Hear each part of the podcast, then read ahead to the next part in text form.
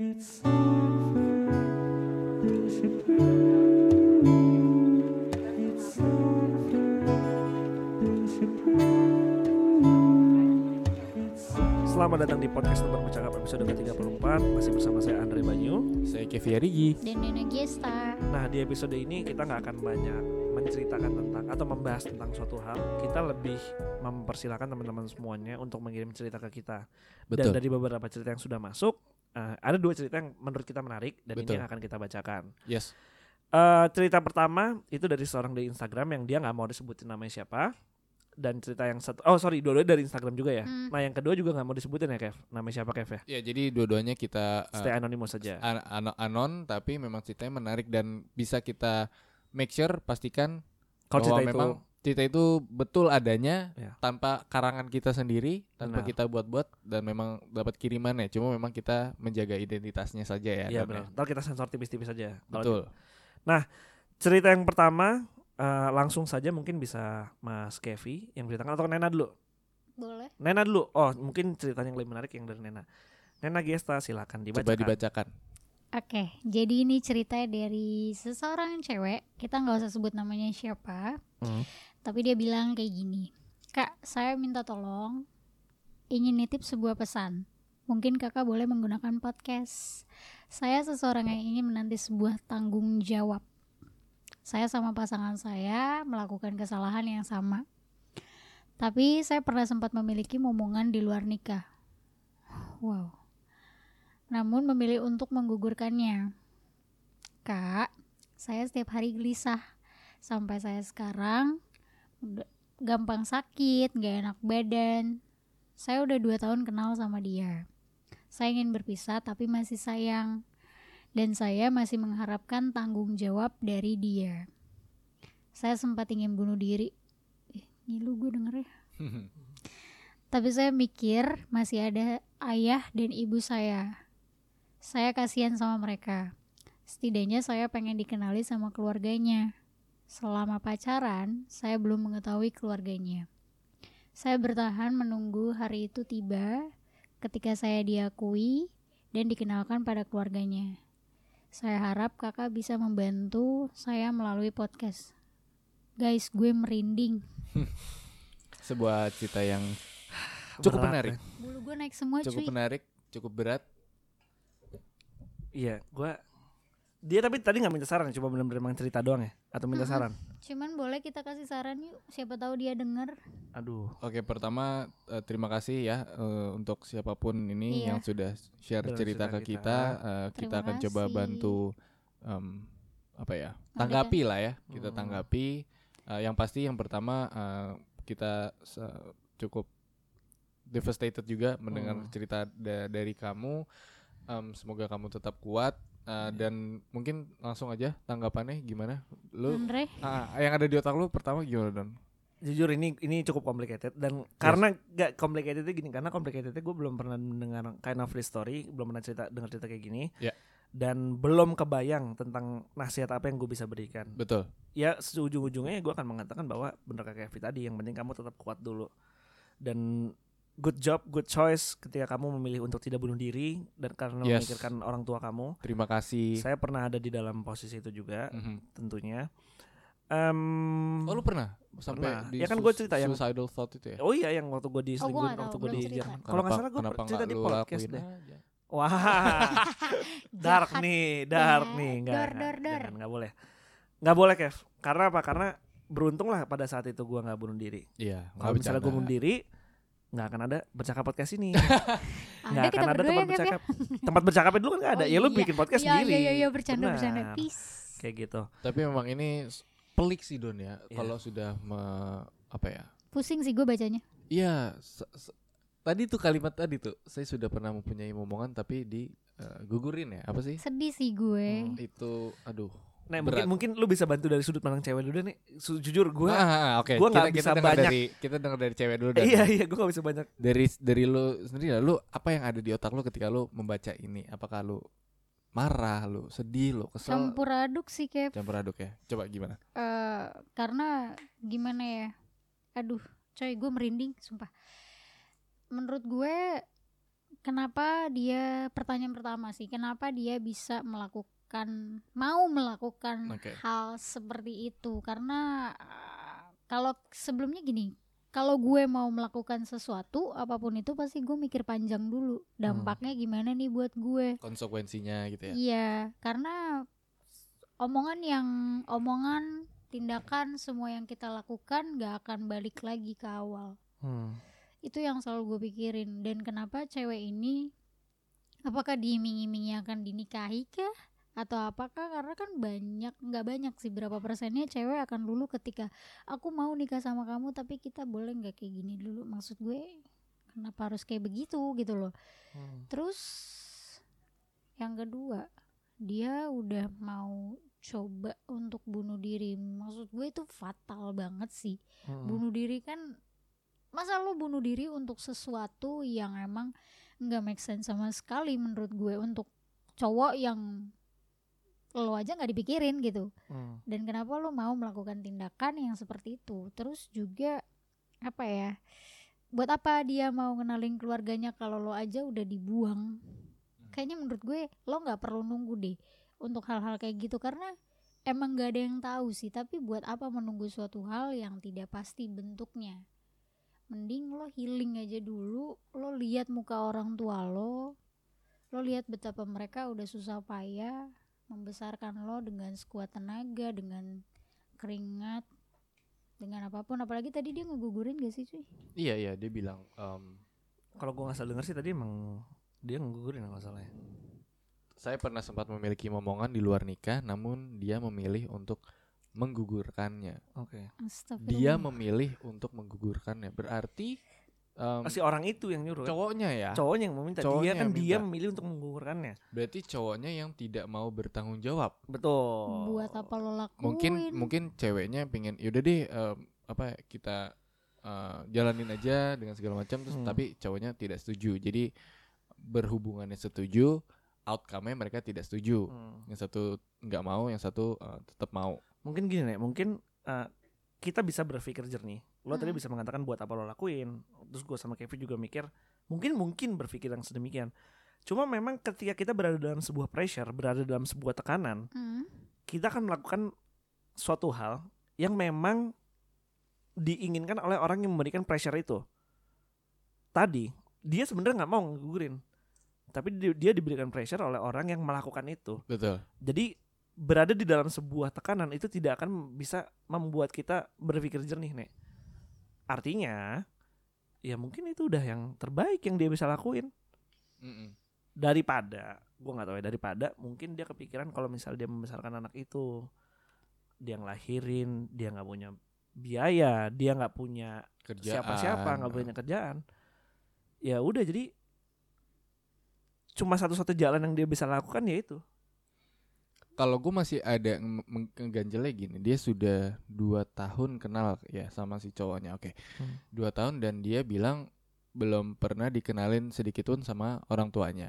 Eh, mungkin gue bisa tanya ke kalian berdua, kalau misalkan kalian punya pacar nih, Hmm. eh, mungkin Nena punya cowok, eh, Andre punya cewek, eh, kalian tuh tipe yang suka ngenalin ke orang tua dulu nggak, atau yang nunggu dulu, jalan dulu sampai akhirnya mau serius baru dikenalin ke orang tua atau gimana? Gue dulu ya. Ya deh. Gue selalu ngenalin ke nyokap gue terutama. Nah tapi lu nya pengen dikenalin ke orang tua dia nggak? Terserah gimana baiknya dia tapi so far sejauh ini tiap pacaran dikenalin sama It- orang Oke, tuanya. dikenalinnya itu tapi em, setelah sudah lama berhubungan, katakanlah 3 6 bulan baru dikenalin atau pas baru langsung? awal kok selalu awal. Oke, dari lu gimana, Don? um, gue tipe orang yang nggak suka backstreet jadi memang harus dikenalin kedua-dua dulu Sejak Bukan, awal iya. atau ya sejak gimana? awal jadi Sejak let's say awal, sebulan oke, pertama itu gue kenalin terus sebulan kemudian gue kenalin karena kan kalau tiap hari gue ngejemput dia dan orang tua yang nggak tahu yang siapa yang ngejemput itu bakal Mm-mm. menimbulkan pertanyaan jadi gue lebih Iya, pilih itu buat good. Oke. ya udah gue harus kenalin mau nggak mau mau Oke. tiba-tiba ya nah sebenarnya gini sih kenapa gue pengen langsung dikenalin biar gue langsung tahu tuh orang tua setuju apa nggak sama nah gue itu maksud gue juga itu dengan bentukan setuju gue seperti ini gue gondrong kayak gitu kan iya Nah itu ya udah gue pengen tahu aja orang tuanya setuju apa nggak. Kalau misalnya enggak ya udah ca- langsung cari solusinya. Memungkinkan nggak buat orang tua terima gue? Kalau misalnya enggak dan Meskipun udah. memang em, hanya pacaran dulu nih ya, belum Betul. tentu Iya. mengarah ke pernikahan betul, gitu ya. betul. karena just in case orang tua lu tahu lu di di bawah siapa keluar jadi Betul, kalau ada apa-apa betul, lo ya. lo nggak bisa dihubungin ya setidaknya lo gitu. kenal gitu ya Mm-mm. dengan siapa anak gue jalan sama siapa gitu Mm-mm. kan. Itu. Oke, Kalau gue juga eh, kurang lebih setuju sama kalian, cuma mungkin kalau gue eh, sedikit take time, jadi nggak langsung misalkan gue jadian minggu lalu terus gue langsung kenalin ini si ini gitu. Kalau Hmm. gue nggak, jadi eh, alasannya karena gue pengen tahu dulu nih hubungan gue sama si cewek gue ini se- seriusnya sampai semana. Kira-kira kalau cuma main-main doang, ya ngapain gue kenalin? Yang ada gue cuma malu sama orang tua gue. Itu sih. Jadi intinya memperkenalkan dan ini eh, kalau dari kita lihat dari ceritanya dia tidak dikenalin atau eh, gua nggak tahu ya cuma dia tidak dikenalin sama cowoknya ke keluarganya Hmm. tapi gua kita di sini nggak tahu si ceweknya eh si cowoknya Kenapa kenal kenal? Heeh, si cowoknya kenapa nggak meng- mengenali ke keluarganya itu kita tidak pernah tahu tapi eh, mungkin untuk teman-teman yang di sini yang mendengar mungkin ada baiknya eh, take pre- preventive actionnya adalah memperkenalkan pasangannya ya Iya. mungkin itu Iya. bisa saran salah satu saran yang bisa kita kasih. Setidaknya tahu lah kalau lo kenapa-napa si orang tuanya tahu nih. iya apalagi anak cewek harus mencari ke Iya, siapa atau ke siapa uh, uh. itu Nah. yang pertama terus gimana? Ini nggak kembali gue masih buat closing uh, cerita yang pertama tadi. oke Katakanlah namanya siapa ya Tamara cah buat Tamara. Em, apa pun saran yang kita berikan mungkin tidak akan menjadi sebuah saran yang terbaik buat kamu tapi mungkin bisa kamu pertimbangkan. Nah ujung-ujungnya gue bakal mengatakan bahwa yang menjalankan ini adalah lo bukan kita. Jadi harusnya harusnya kamu tahu apa yang terbaik buat diri kamu sendiri. betul Kalau kamu melakukan A ya harusnya kamu tahu konsekuensinya. apa. konsekuensinya betul Yang Betul. jelas akan pasti akan selalu ada konsekuensi di setiap perbuatan yang kita lakukan. betul, Betul. setuju Jadi tolong pertimbangkan sebisa mungkin konsekuensinya itu lebih banyak yang positif daripada yang negatif. Mm-mm. Mm-mm. Kayak gitu. mungkin terakhir dari gue masukannya uh, pribadi Tamara ya tadi kita nyebutnya ya Tamara ya Em, Tamara nggak tahu ya kalau gue mungkin karena cowok melihatnya itu dari segi logika rasional memang di sini lu bilang lu masih sayang Hmm. Tapi memang dari apa yang gue lihat perlakuan dari cowok lo ke lo ini mungkin sudah sesuatu yang tidak baik, sesuatu, Hmm. sesuatu yang tidak adil menurut gue dari untuk ke elonya gitu. Jadi gue Hmm. lebih ke kasihan ke elonya. Memang gue hanya mendengarkan cerita ini satu sisi dari lo. Gue nggak tahu cerita tentang Hmm. ini dari si cowoknya. Tapi em, kalau alasannya karena lu cuma masih sayang, gue rasa agak apa ya? Mm. Em, susah sih kalau lu sudah melewati masa ini cuma lu nggak bisa move on karena hanya lu masih sayang jadi bukannya gue memilih mem- me- menganjurkan lo untuk putus atau gimana cuma ya mungkin lo harus berpikir berkali-kali lipat kalau memang lu pengen bertahan dengan orang ini gitu loh lu harus make sure ke depannya kejadian ini tidak akan berulang lagi dan apa pun keputusan yang lu ambil nanti stick sama keputusan itu dan lu harus siap dengan konsekuensi dan resiko yang akan lu tanggung. Itu sih mungkin Hmm. Tamara yang bisa kita kasih untuk uh, saran dari gue pribadi gitu ya. Dan Rena mungkin ada mau tambahin ke Tamara? Ah, ada sih. Hmm, gimana? Jadi ada cerita temen gue juga sedikit aja gue nambahin. Eh please banget buat lo untuk kalau mau ngelakuin apa-apa pikir lagi. Karena lo udah pernah jatuh ke lubang yang lumayan dalam ya menurut gue ini. Karena lo coba pikir deh ketika lo menggugurkan kandungan di luar sana banyak banget yang menanti suatu kehamilan. Banyak banget yang menanti suatu rezeki momongan iya. Dan lo udah pernah melakukan itu lo punya rezeki yang menurut gue wow susah banget orang di luar sana dapetnya dan lo malah menggugurkan. Karena jujur gue punya temen dan temen gue meninggal setelah ngegugurin. Innalillahi. itu. Dan gue makanya tadi gue bilang gue merinding sih dan gue inget temen gue jadinya. Dia tuh udah apa ya minum obat segala macam akhirnya ngegugurin juga ya udah akhirnya meninggal. Dan itu dia meninggal di usia 18 tahun. Wow. Muda sangat-sangat muda. banget parah dan masih panjang perjalanan itu itu, dia dan dia anak perempuan satu-satunya Oke mungkin jadi itu aja ha, itu deh. Tamara yang bisa kita uh, Hmm, tetap keep strong ya Tamara. keep strong, tetap Semangat. semangat harus kuat mungkin harus kalau tahu lah tahu apa yang terbaik batasannya buat diri yang pasti sendiri. harus punya prinsip dan stick sama keputusan lo apa pun itu resikonya itu Setuju. sih yang dari kita mungkin kita lanjut ke cerita kedua Boleh, boleh. Eh, tadi eh, oh gue yang bacain ya sekarang ya Iya. Sekarang Kevi yang baca ini. Oke ini ada cerita lagi yang masuk ke DM kita Bang gue mau cerita dong Tapi kalau misal cerita gue kepilih Akun gue tolong di hide Iya pasti Tenang aja Iya, Santai. Jadi gue baru-baru aja putusin pacar gue beberapa hari yang lalu. Oke, kami udah le- udah satu tahun lebih jalin hubungan. Ini yang yang yang share cewek kan ya? Iya, cewek. Dari awal kita udah sama-sama serius, sama-sama saling terbuka. Seluruh keluarga dia sudah kenal dan suka sama gue. Nah ini eh, bedanya dengan Tamara udah, udah kenal nih, berarti Hmm, antara hmm. keluarga dan si pasangan ini. Kami juga udah nabung bareng. Oke, pokoknya kita udah bener-bener nyiapin buat ke depannya. Ke mana-mana selalu bareng, gue diantar jemput. Gue kalau mau mejeng juga di rumahnya. Eh, dia karena memang udah deket banget sama nyokap bokap dan ponakannya. Wow, udah sama, sama ponakannya bahkan. Lengkap ya. Jujur, sikap dia ke gue yang buat gue bisa serius dan terbuka sama dia. Kedewasaan dia, kasih sayang perhatiannya udah buat gue yakin 100%.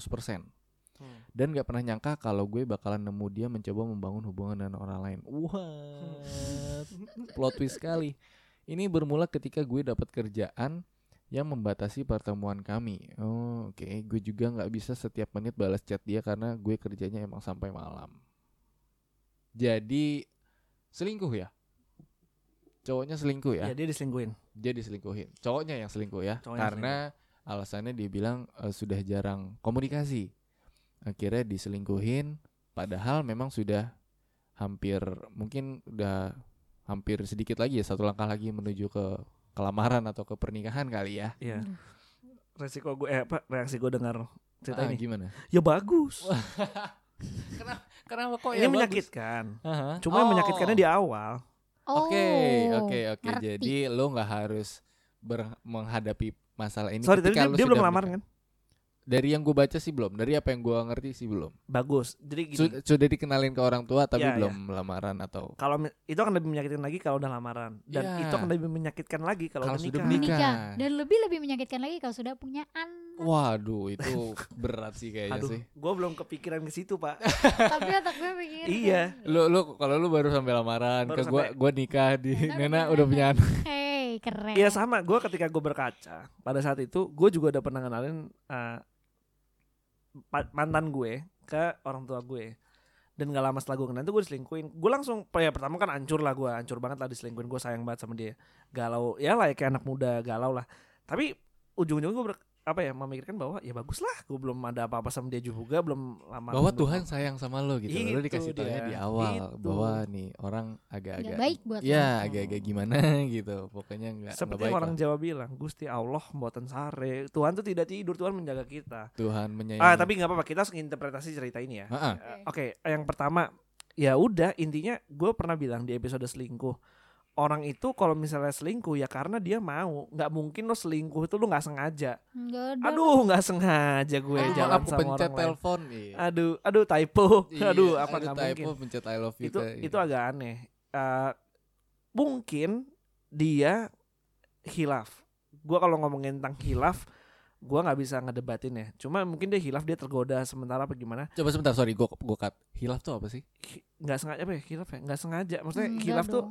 Hilaf Hilaf itu perbuatan tergoda. diri sendiri. iya iya tapi tergoda Iya. kan nanti kan intinya kalau misalnya gue bisa menjelaskan lu tergoda Dia melakukan sesuatu yang tidak sesuai prinsip dia, ya tapi gue dibutakan. nggak nggak nggak tapi gini tapi kalau misalnya di, uh, alasan orang selingkuh itu hilaf gue Iya, cuma bilang kayak apa ya ya? udah hilaf itu kan tapi lu dalam alam sadar lo yang artinya lu tahu lu ngapain Oke, lu salah, lu aware tapi Nah, tetap lu ketika harus lu udah- konsekuensinya gitu. itu dia ketika lu udah salah lu udah tahu konsekuensinya kalau misal konsekuensinya lu diputusin atau gimana ya udah itu udah urusan lo Hmm. Kayak gitu lu mau janji mau sumpah mau apa Ya. Iya, eh, cuma kembali ujung-ujungnya kalau misalnya tiba-tiba dia janji untuk langsung nikahin atau gimana, gua angkat tangan deh.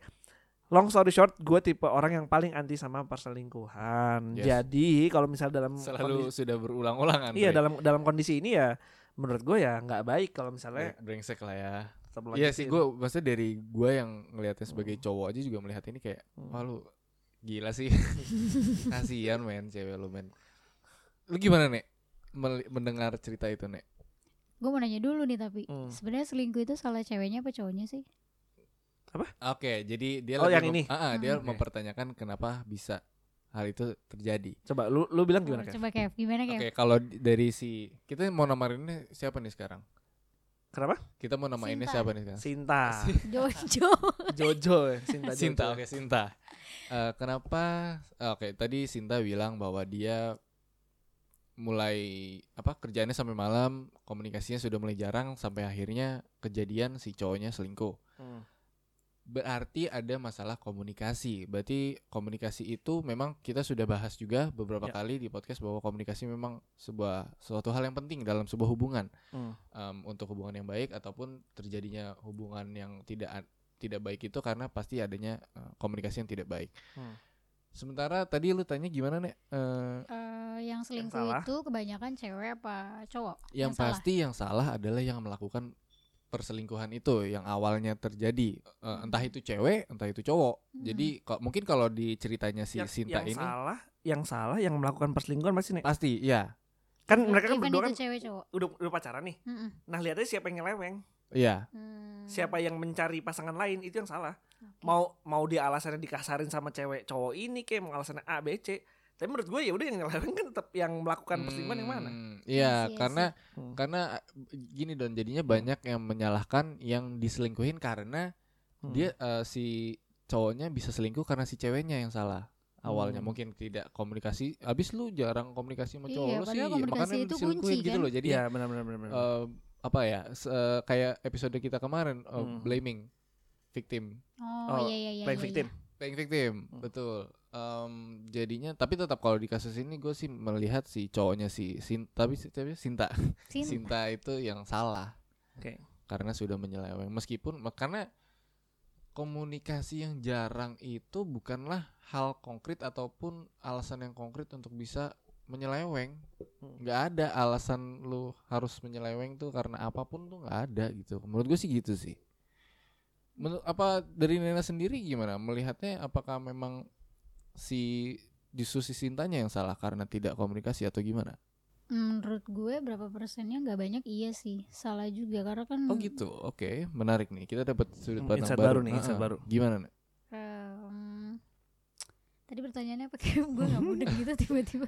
eh tentang masalah perhubungan yang tadi si Sinta kan tadi Mhm. lu bilang lu nanya yang salah itu siapa. Mm, akhirnya gue tanya balik kalau sudah kejadiannya yang cowoknya kayak gini yang salah kan tadi menurut gua Mandre seperti itu. Lu menanggapinya gimana melihatnya kayak gini? Apakah memang dari si Sintanya juga salah? Menurut gue iya karena kan Hmm, hubungan itu kan kalau nggak ada komunikasi gimana? Oke Itu satu. Hmm. Kalau ada apa-apa kan juga kan komunikasi kan yang paling penting gitu selain kepercayaan. Oke. Terus cowoknya selingkuh nih. Kalau misalnya cowoknya kucuk-kucuk datang ke cewek lain untuk selingkuh, cewek ini kan yang diselingkuhin ini, eh sorry, cewek yang diajak selingkuh ini kan sebenarnya nggak tahu apa-apa. Tapi kan cowok ini kan bisa bikin baper cewek. Mm-mm, Nah rata-rata yang disalahkan kan cowok. mm-mm. Hmm.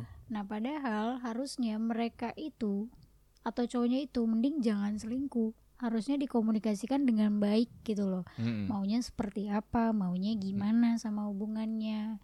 Komunikasinya coba dibenerin lagi atau ada yang salah kah dari hubungannya. Hmm. Menurut gue itu. Tapi kalau udah pilihan selingkuh berarti itu udah ada niat dari cowoknya. Udah fix salah. Dan salahnya juga si Sinta ya itu komunikasinya kurang. Jadinya cowoknya cari ke cewek lain yang lebih perhatian, yang lebih banyak Oh. waktu untuk Menurut Jadi gitu. untuk kejadian ini eh, lo menganggap bahwa tidak serta merta semuanya kesalahan si cowok yang menyeleweng gitu ya. Jadi ya Mm-mm. memang ada em, perannya si cewek yang membuat si cowok itu selingkuh seperti itu, Mm-mm, bener nggak? mm-mm. Oh menarik nih don. Jadi ada gimana tanggapan lo? Setuju nggak? dengan- Setuju setuju aja. Maksudnya gue setuju. juga harus fair dari sudut cewek kayak gitu. Hmm. Meskipun ada beberapa yang gue masih mikir kayak emang iya ya, emang iya ya, tapi kayak ya ya itu fan-fan aja lah menurut gue emang bener kalau dari sudut pandang cewek seperti itu. Gitu. Ini siapa tadi namanya gue lupa terus. Sinta. Sinta. Aduh, Sinta gitu dan Sinta. Juju dasar keong keong racun. kalau bisa, oke, Lawas. em, kalau bisa kita kasih saran. Tadi kan kita Hmm. udah kasih saran ke Hmm. siapa? eh, Tamara. Tamara. Nah, sekarang Oh. saran buat si Sinta nih berarti ya. Sinta sudah carilah yang baru. Iya masih banyak yang Sama bisa Jojo aja menghargai lah. Iya, lu belum apa, lu belum lamaran, belum apa, diselingkuhin ya bagus. Makanya tadi gue maaf, mohon maaf banget nih Sinta, respon gue adalah bagus. Iya. Semua adalah bagus. Ya tapi bener bagus. Gue juga Karena- bilang kan. Karena lu belum ada satu keikatan yang lebih apa ya namanya? Lebih lebih satu step lebih Legal. legal. Nah, apalagi. Entah lamaran, Resmi. entah apa namanya, entah nikah dan lain apalagi tadi Nana bilang punya anak. Jadi ya Iya. udahlah, masih banyak ikan di laut. Eh enggak kalau Iya. enggak masih banyak yang lu masih lu masih bisa nemuin banyak orang di dunia Iya. ini keti- ketika lu mau.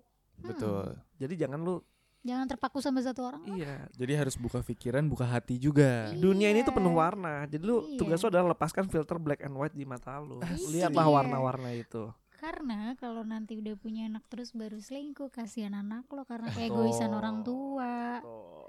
Karena nafsu dari suami lo, entar nafsu dari lo nya kan kita nggak tahu. Kasihan anak lo, anak lo tuh nggak salah. Cerita orang-orang. Woi, Oh, iya. gila keren ya judul episode kali ini ya. Keren deh. Mungkin itu aja ya. Mm-mm. Oh. Mungkin itu aja untuk episode kali ini. Terima kasih untuk teman-teman yang sudah share cerita ke kita. Terima kasih untuk eh, Anonymous tadi Ta- Tamara dan, Tamara dan si Sinta. Sinta. Main ubah nama orang aja nih kita. Iya, enak ya. Eh, terima kasih sudah mendengarkan. Untuk ke depannya tetap coba sharing ke kita teman-teman Mm-mm. di follow juga di Instagramnya @bercakappodcast. Kalian bisa share apa pun cerita di situ keluh kesah kalian Eh, mungkin cuma di, di reply di, di di DM juga nggak apa-apa atau Hmm. mungkin mention ke kita di feed atau segala macam di Instastory. Mm-mm. Em, kalau memang ada yang menarik kita akan coba angkat eh, di podcast. Betul. Eh, yang pasti kita harus em, menjaga identitas kalian karena bagaimanapun kalian juga pasti akan pingin anonimus dan yang pasti untuk penonton di, eh penonton kan jadi pendengar pendengar kita di sini kita eh, make sure bahwa memang kejadian ini nyata adanya Ya. memang kita tidak ingin mau share aja Privacy orang. privasi orang betul oke untuk eh, mungkin sekian untuk kali ini Eh, gue Kevi Arigi sign out Andre Banyu sign out. Nana Giesa sign out. Terima kasih sudah mendengarkan episode uh, kali ini. Selamat malam, bahagia selalu. Bye bye.